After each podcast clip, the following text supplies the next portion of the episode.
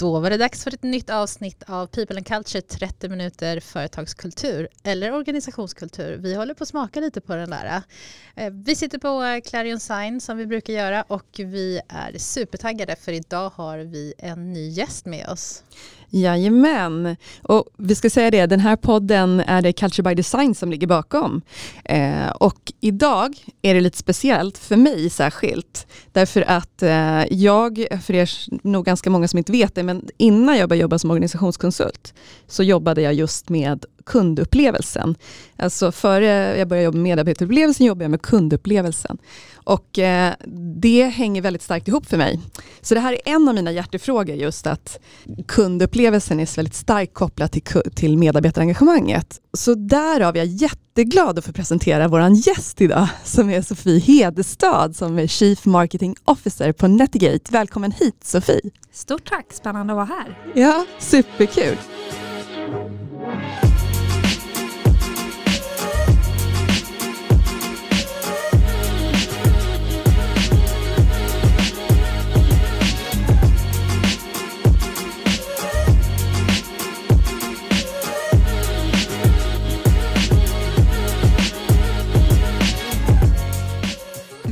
Jättegärna eh, berätta lite grann kort om eh, Netgates och de, för de som inte känner till er. Absolut. Nej, men Netigate är ett software as a service-bolag, så det är ett techbolag egentligen. Men sen har vi en konsultdel inom Netigate också. Och det vi hjälper till med det är att förstå företags viktigaste tillgångar och det är ju medarbetare och kunder. Så man använder Netigate för att skicka ut enkäter eller undersökningar via till exempel e-mail eller sms eller om man har något öppet API mot sina egna Eh, CRM-system och så vidare. Så att man kan samla in feedback ifrån kunder och medarbetare så att man faktiskt kan lyssna på dem och lägga eh, rätt strategier, fatta informerade beslut baserat på data. Så man tar datadrivna beslut med hjälp av Netigate. Vad skulle du säga? För jag sa precis det här med medarbetarnöjdheten kopplat till kundnöjdheten. Ser ni också att det finns sådana kopplingar? Det finns ju forskning som visar att det finns sådana kopplingar. Nöjda medarbetare gör att man får nöjda kunder också. Och det är inte bara något fluffigt snack utan det är verkligen så. Och jag tror eh, många vd eller säljchefer eller personer i ledningsgruppen fokuserar ju väldigt mycket på eh, pengar in, liksom resultatförsäljningen. Och sen så är det små, svårt att mäta vad är det som eh, Eh, som ger den här försäljningen i grund och botten, ja, men det är ju medarbetarna. Och eh, där är det viktigt att attrahera rätt talanger och behålla superstjärnorna och eh, verkligen se till att skapa den här företagskulturen som är kundorienterad så att man vill ha en, en företagskultur där alla medarbetare oavsett om man är, nu säger jag en massa engelska ord här, customer facing, alltså oavsett om man har kontakt med kunden i slutändan eller om man sitter på en avdelning som inte har direktkontakt med kunden så vill man ändå skapa den här företagskulturen som är customer obsessed, man, är, man vill verkligen eh, förbättra organisationen för kundens skull. Och jag tror även om man sitter på HR-avdelningen eller finansavdelningen så kanske man inte tänker att eh, man är en del av kundupplevelsen. Men oj så fel man har där.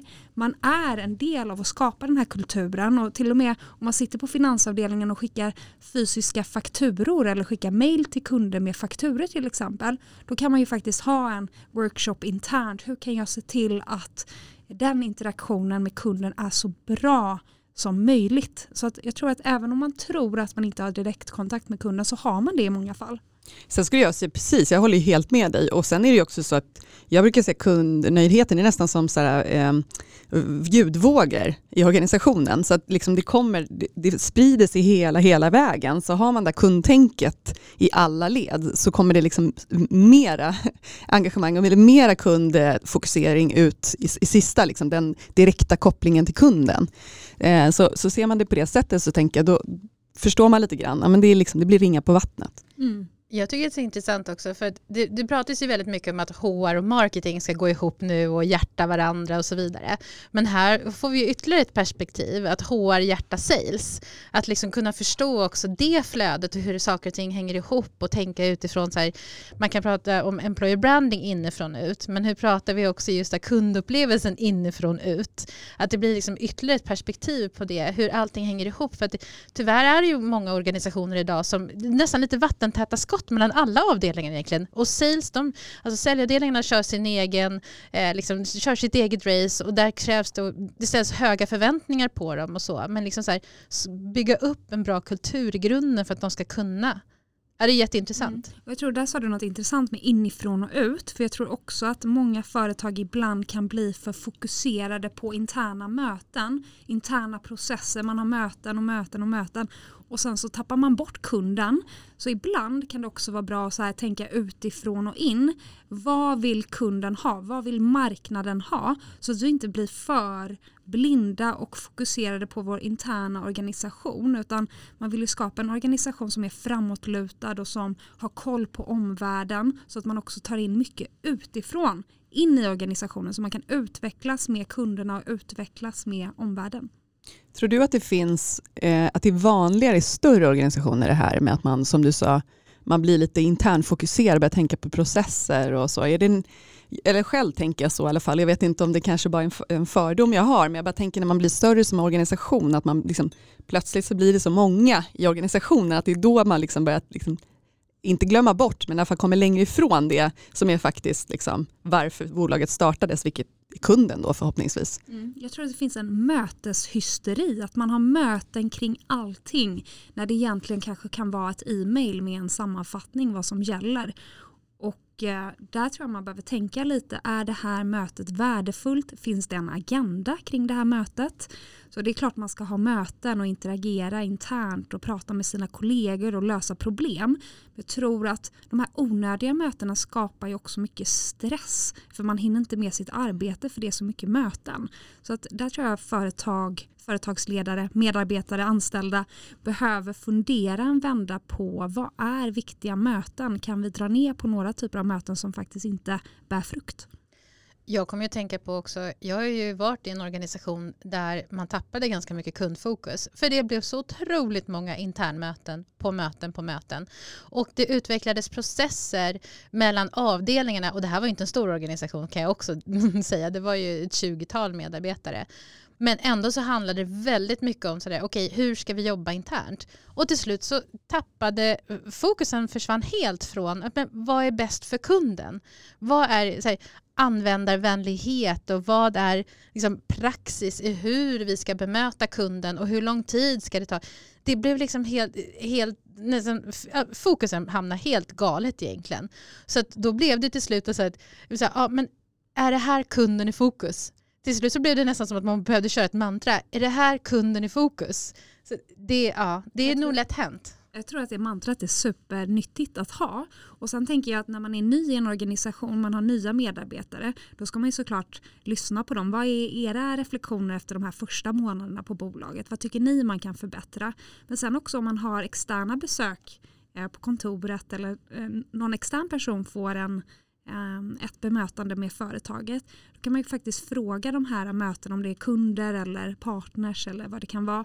Vad är era intryck när ni kom in till oss? När ni såg vårt kontor? När ni såg medarbetarna hälsa på er? Vad är er känsla? Så att man inte tappar det utan man verkligen får in det här externa perspektivet och försöker tänka nytt och tänka fräscht och liksom inte fastnar för mycket i det gamla interna snacket. Jag tycker det är lite roligt det där. Jag hade faktiskt eh, använt en gång kunder som referens till ett jobb när jag sökte. Och många blev så Va? Tar du kunder? Men jag tyckte det var genialiskt. Eh, Därför att de var ju på något sätt helt opartiska och hade bara haft kontakt med mig i min yrkesroll. Och det tycker jag är så tips till folk att våga liksom, använda det av kunder också. Fråga, så kan jag använda det som referens? Jag håller på att söka, söka ett jobb här. För att eh, det skulle i alla fall jag tycka om jag rekryterade. Ni får, du svarar till det som har jobbat med rekrytering. Eh, men jag skulle i alla fall tycka att det var intressant, det perspektivet, att kunna ställa de frågorna. Liksom hur, externt uppfattas den här personen då, från kundens sida? Mm, fantastiskt, det håller jag helt med om. Ja. ja, och jag kan ju bara hålla med om det också. Jag jobbade ju som headhunter i några år och om en eh, kandidat hade kommit in med en sån referens. För jag pratar hela tiden om, jag jobbade utifrån så kompetensbaserad rekrytering och det handlar väldigt mycket om kompetens. Det handlar väldigt mycket om så här, svart på vitt, hur arbetar du, hur brukar du? Och då, då finns det ju ingen bättre trovärdighet än att en kund då kan eh, gå i godo för att du levererar och du gör ett bra jobb. Du höll, håller en, en hög nivå och kvalitet och så vidare. Så att, eh, jag tycker bara ja, ni som hör det här, go for it. Mm. Om man köper in en tjänst också som kund, då är man ganska kritisk också. Om man jobbar med en, en anställd som man kanske inte alltid jobbar i samma projekt som, så kanske man är mer välvillig att ge en bra referens. Men om en kund säger något bra om en, en, en något positivt, då är det en otrolig komplimang. Ja, jag tänker att man får lite så här 360 perspektiv på någon. Att man får både liksom externt, hur uppfattas du av kund, hur är du internt och så vidare. Och lite kan man ju se där också, hur skiljer det sig någonting? Eller, jag menar, det kan ju finnas någon som kanske uppfattas kanske lite nitiska eller så där internt, men sen visar det sig att mot kunden är det fantastiskt bra för att de levererar alltid tid, så det finns en anledning kanske till det här beteendet. Då. Ja, och jag undrar ju lite så här, men du pratar om att det finns ju forskning kring det här. Ja, men vad säger forskningen då kring just det här med kundnöjdhet och medarbetarnöjdhet? Nej men för att bara dra det väldigt enkelt då så, så ser man ju att har man nöjda medarbetare så bidrar det till nöjda kunder. Men man behöver ju börja med medarbetarperspektivet först. Man måste ju se till att man har en företagskultur och en organisationskultur som är stark och liksom som är kundorienterad och sen så kan man mäta vad kunderna tycker. För det är många, på Netigate då där jag jobbar, det är många som vill börja med kundundersökningar, liksom förstå om kunderna är nöjda eller inte. Men där är det viktigt att man kollar på medarbetarundersökningar eller medarbetarengagemanget först. För det är där man börjar och sen kollar man på om kunderna är nöjda. Och där ser man ju att det korrelerar. Det finns olika um, metoder för att se liksom, hur det korrelerar. Men det är viktigt att, att man gör det. Um, till exempel de som um, har kontakt, direktkontakt med kunder. Där kan man ju se att om de är nöjda så kommer kunderna också bli nöjda. Där har vi skickat mycket så här undersökningar till kunder eh, när de har varit i kontakt med oss. Hur var upplevelsen? Hur var servicen? Um, fick du det du behövde och så vidare. Och eh, det är väldigt viktigt att de ger feedback på det och sen så kan man gå tillbaka. Och det handlar inte om att övervaka sin personal eller övervaka sina anställda utan man måste ju verkligen förstå att det här är en utvecklingsmöjlighet både på individnivå och på företagsnivå. Eh, du, jag måste ändå fråga, jag tycker det är spännande att ni jobbar ju inte bara i Sverige. Eh, kan ni se några skillnader så mellan liksom svensk, eh, Sverige och andra länder gällande det här med kund, kundnöjdheten och liksom mötande av kunder? Mm, det finns ju stora skillnader mellan olika länder och regioner och så mm. vidare. Jag tror att det var Erin Mayer som skrev en bok om uh, the culture map, alltså att man ser olika kulturer uppmappade. Mm. Uh, och där kan man ju se att uh, Sverige är ju otroligt konsensusdrivna och sen så också väldigt så här jämli jämlikhet och rättvisa är viktigt för personer i Sverige. Och det ser man i den här uppmappningen att Sverige är nog det landet i världen som söker mest liksom, jämlikhet och konsensus. Och sen så har vi till exempel eh, ja, kontor i Tyskland och där är det mer hierarkiskt men man söker också konsensus. Om man tänker på om man visar känslor eller inte visar känslor så kan man se till exempel att eh, ja, men i Ryssland, Frankrike, till viss del i USA så är de väldigt känslostyrda och eh, confrontational, alltså att de söker eh, de söker kanske inte konflikt men de, de har inga problem med konflikthantering. Mm. Och i eh, Sverige, i UK, alltså Storbritannien, Japan, där vill man inte visa sina känslor och man undviker konflikter. Så det, det finns ju forskning som styrker på att det finns olika kulturer rent generellt i olika länder. Men sen eh, beror det på vilken företagskultur man har också. Och eh, jag skulle säga att jag har både sett lyckade eh, företagskulturer där verkligen eh, man kan se ursprungsidén och ursprungskulturen sprida sig runt om i världen och eh, att man har till exempel eh, fredags eh, wrap-ups eller fredags eh, work, eh, vad säger man, after works och så vidare. Att man har det överallt konsistent liksom över hela företaget. Och sen har jag sett andra kulturer där, där det inte har smittat av sig på, på alla kontor. Så det finns ju både liksom framgångsrika företag som kan bygga starka kulturer internationellt.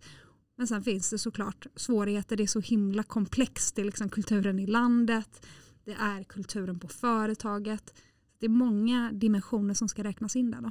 Jag vet att jag hade en kund förut som hade eh, medarbetare i Kina också eh, och de jobbade ju hela tiden med det här att hur får vi dem att vara ärliga liksom, i medarbetarundersökningen? För det var så svårt för dem att förstå det här att det är anonymt och vi vill ha er input. Liksom. Särskilt när det kom till ledarskapet så hade de väldigt svårt, det var väldigt höga poäng hela tiden.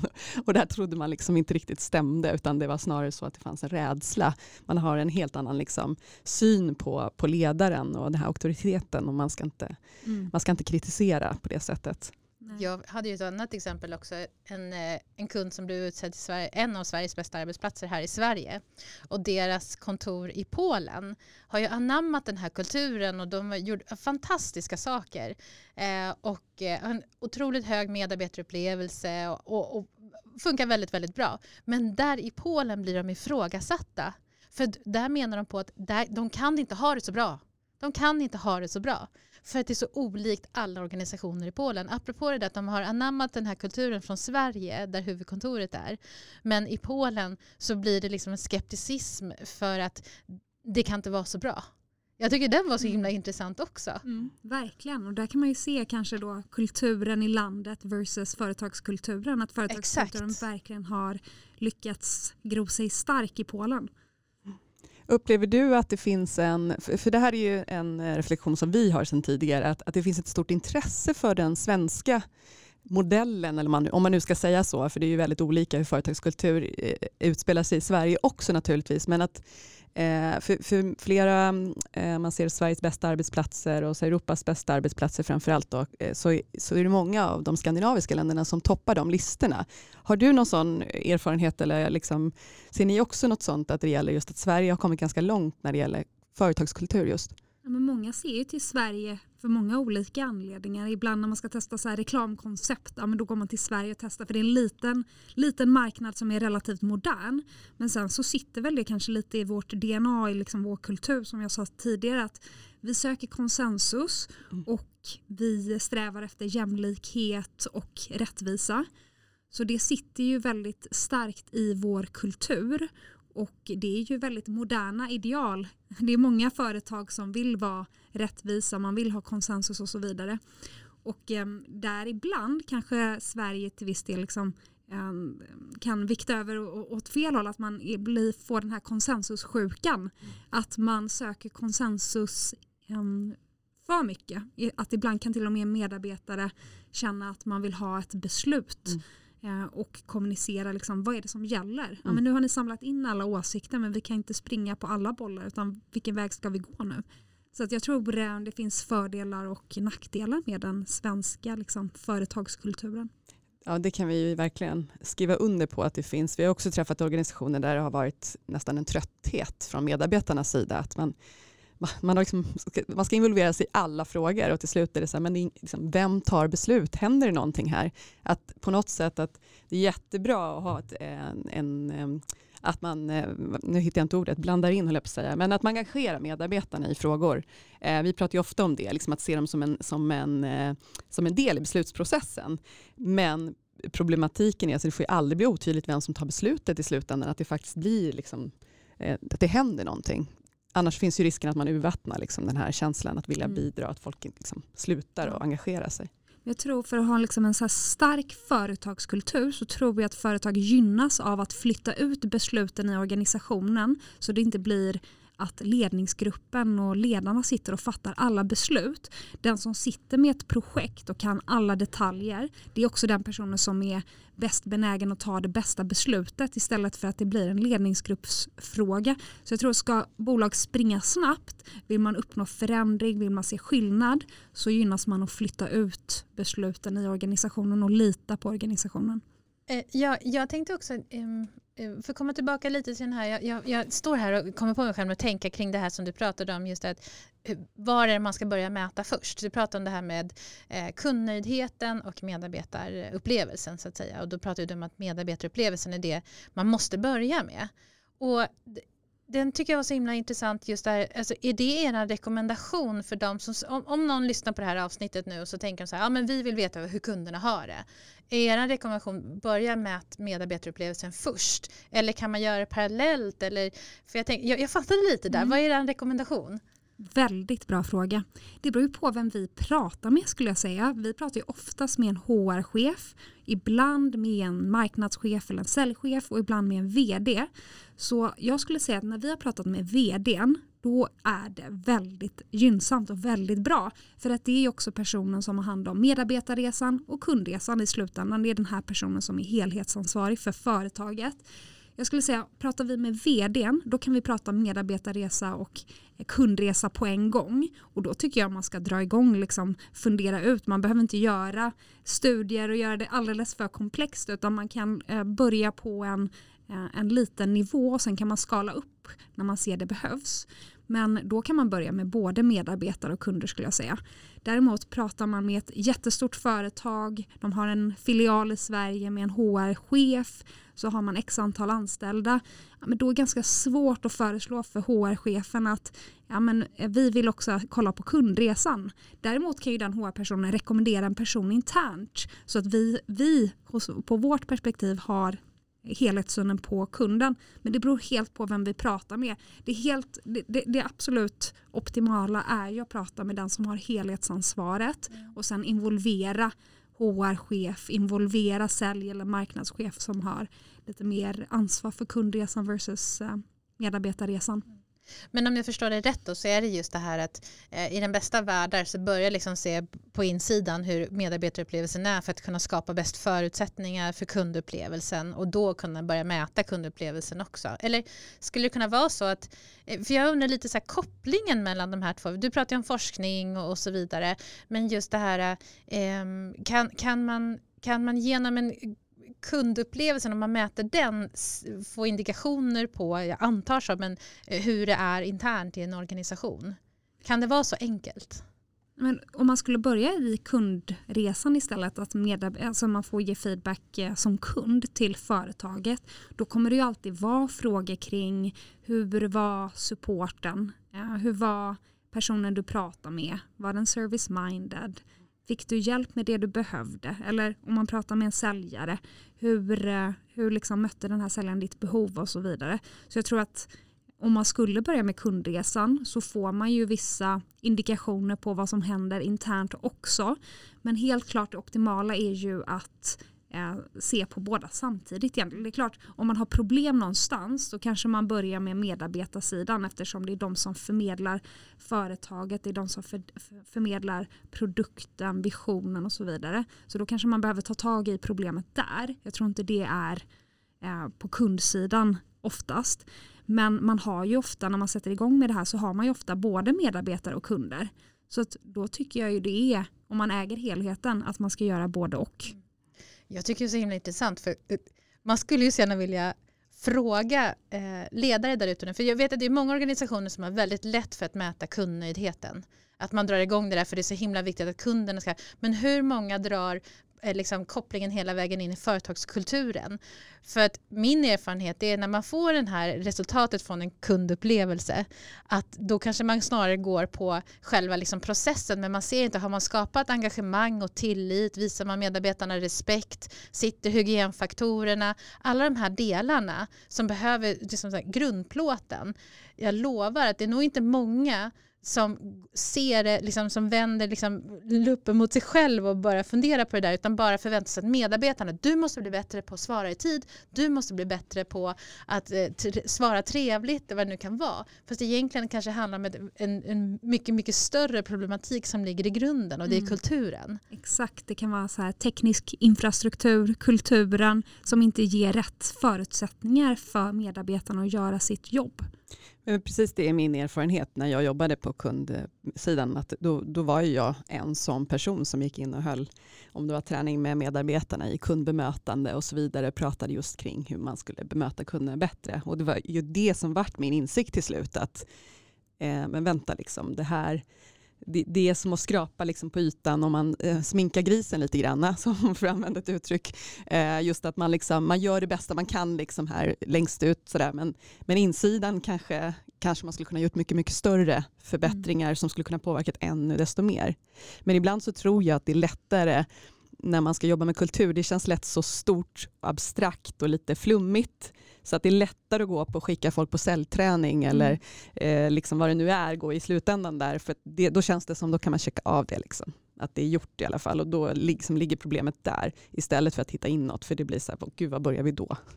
Men det tycker jag var så intressant. För att Angela, du har ju faktiskt du har ju faktiskt eh, gjort den här resan av den anledningen. För när vi lärde känna varandra, då var det just det att du jobbade med kundupplevelsen och, och insåg så här, nej men man måste kunna, man måste, som du säger, skrapa på ytan. Och hur du och ja, det var ju så vi hamnade på samma arbetsplats. Det var just det här att se på kulturen. Ja, men vad finns det för förutsättningar? Och det, här liksom, erfarenheten har blivit väldigt mycket i så att, men vad skapar man för förutsättningar för att det ska bli en bra medarbetarupplevelse, för att det ska bli en bra kundupplevelse? Och just det där också, där ni kommer in nu också, Sofia, att, det här, att mäta det också. Att liksom bara, men det, det, det är så himla viktigt att få hard facts också. Verkligen. Vi pratar ju mycket just där, ja, men just förutsättningar är ju något vi tjatar om hela tiden. Och ibland så möter man att folk säger så här, men vad då har inte medarbetaren något ansvar? Är det bara arbetsgivaren?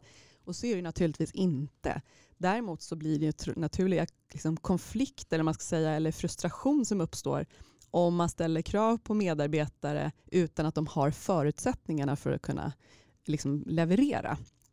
Och det är det som, som, som, som vi brukar prata om just där, att man behöver ju titta på förutsättningarna först och se till att man har för, förutsättningar på plats och sen kan man ju börja, sen ska ju naturligtvis medarbetarna ska ju ta sitt ansvar men de kan ju inte liksom ja, de, kan, de kan inte skapa av ingenting, alltså de måste ju verkligen ha allting på plats för mm. att det mm. ska funka. Jag tänker på det, jag börjar det ställer mycket krav på ledarskapet också. Att ledarna ser till att medarbetarna kan jobba med någonting annat under tiden man behöver få någonting på plats.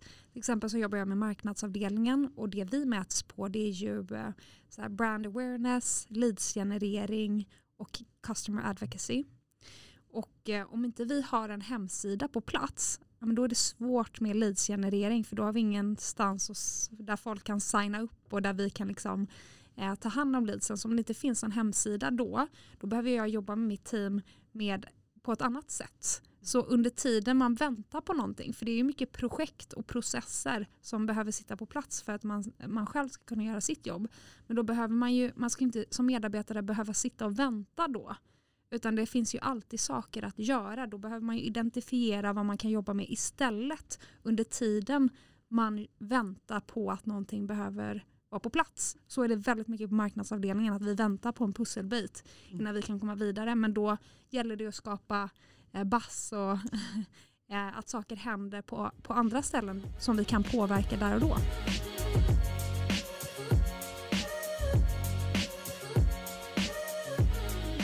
Jag, tycker om, jag vill gå tillbaka till det du pratade om tidigare. Du sa flytta ut besluten och sådär hos medarbetarna. För det är ju väldigt i, i i ropet nu väldigt hett. Man pratar självledarskap, är det många som, som pratar om. Just det här att kunna ta, liksom driva sitt arbete framåt. Eh, och det är ju det som, som krävs då. Det är ju verkligen att man har mandat och, och kunna ta beslut och så för att komma framåt. Jag tror den delen får man ju verkligen inte missa om man nu ska jobba just med självledarskap. Att, eh, i, det, ja, men precis som i ledarskap generellt, det går inte att leda någonting eller någonstans utan någon mandat. Det blir väldigt liksom, Eh, det, det, det, vet ju de allra flesta som har jobbat som mellanchef någon gång och liksom fått en sån roll och sen så inte fått några liksom mandat överhuvudtaget. Och sen ska de ta den här rollen. Det går ganska snabbt tills man liksom, ja, lås, det låser sig helt.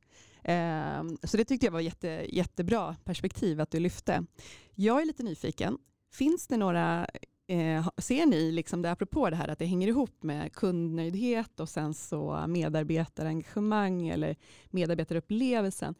Eh, finns det några, jag vet inte om du har sett, du kanske inte tittar på just den datan själv, men det är lite, jag blir så nyfiken, finns det något kan man se när, när, när engagemanget ökar i organisationen så ökar också kundupplevelsen, att man kan se dem, när man mäter båda två, kan man få någon sådana, liksom, att de hänger ihop? Absolut. Kikar jag på de kunderna vi har som mäter båda, båda två så följs de åt. Så ser man över tid att, med, att medarbetarengagemanget ökar, då ser man att kundengagemanget ökar också. Så att det finns flera företag som jobbar på det sättet och det är klart, det, tar inte, det går inte över en natt utan man behöver ju liksom nudga eller knuffa organisationen i rätt riktning och få lite bättre resultat över tid. Men kollar man då på en tvåårsperiod så kan man se att det här korrelerar.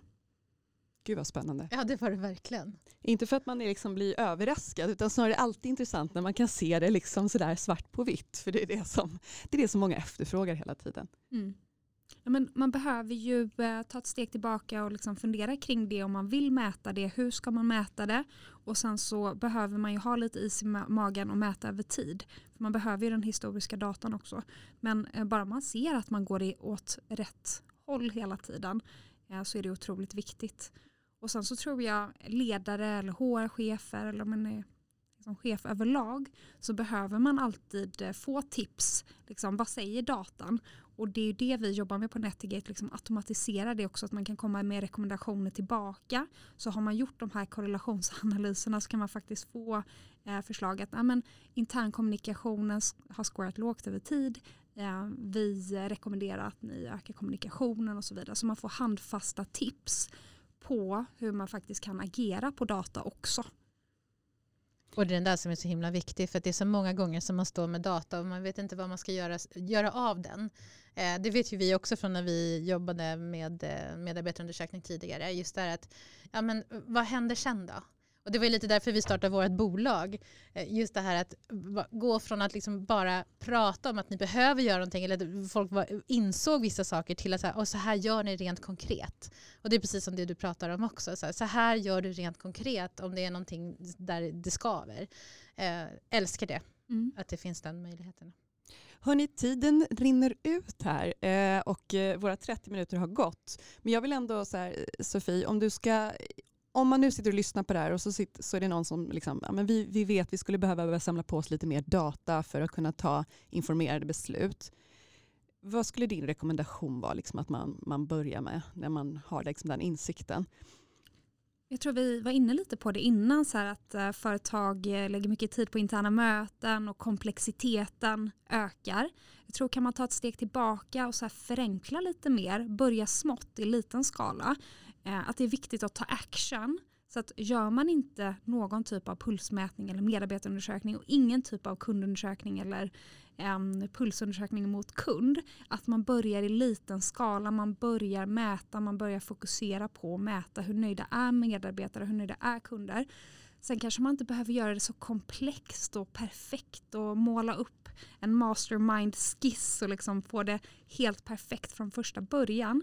Men att man börjar mäta engagemanget internt och börjar mäta hur nöjda kunderna är eh, och kanske tar in då eh, förslag utifrån på hur andra har gjort det och börjar i liten skala eh, och sen så skalar man upp och utvärderar efter tid. Så jag tror att man kan börja ganska fort men om man ska lägga, eh, om 10, 20 personer ska lägga 20 möten på att skissa upp det här, ja, men då kommer man aldrig sätta igång. Så jag tror execution och liksom action är A och O här. Att man faktiskt har en tydlig ägare som har mandat att driva det i mål. Och då tänker jag också så här, om man börjar mäta så kanske man börjar göra rätt saker och rätt initiativ och börjar se liksom att det finns kanske en massa tidstjuvar lite här och var egentligen. Eh, så kanske man minimerar de där mötena och man kanske minimerar de här eh, eh liksom, utmaningarna man har genom att gå på rätt saker så man kan prioritera för det är väl det det handlar om också, lära sig prioritera och göra rätt saker först så att man inte går överallt. För det kan ju också spara tid och kanske man har tid till annat. Verkligen. Det finns ju något bra uttryck där, what gets measured get... Nej, det kan jag inte uttrycka. What, jag har en engelsk term där. Yeah. What you cannot measure, What you cannot measure, you cannot manage. Ja, perfekt. Snyggt. Det, det får vi avsluta. Jag tycker verkligen ja. får avsluta den här podden. Stort tack för att du kom hit. Det har varit, jag eh, älskar det här med våran podd, man blir så här bortskämd känner jag. För att jag får, man får så många aha eh, tankar och idéer och du har verkligen bidragit till många kloka insikter. Tack så jättemycket för att jag fick komma hit. Ja, och ni som lyssnar, om ni har frågor och kanske antingen saker ni vill att vi ska ta upp eller om ni har frågor till Sofie eller så, så får ni jättegärna mejla oss till hello at culturebydesign.se så ska vi skicka dem vidare till henne. Eh, och stort tack för att ni tog er tiden att lyssna. Ha det gott! Ha det fint.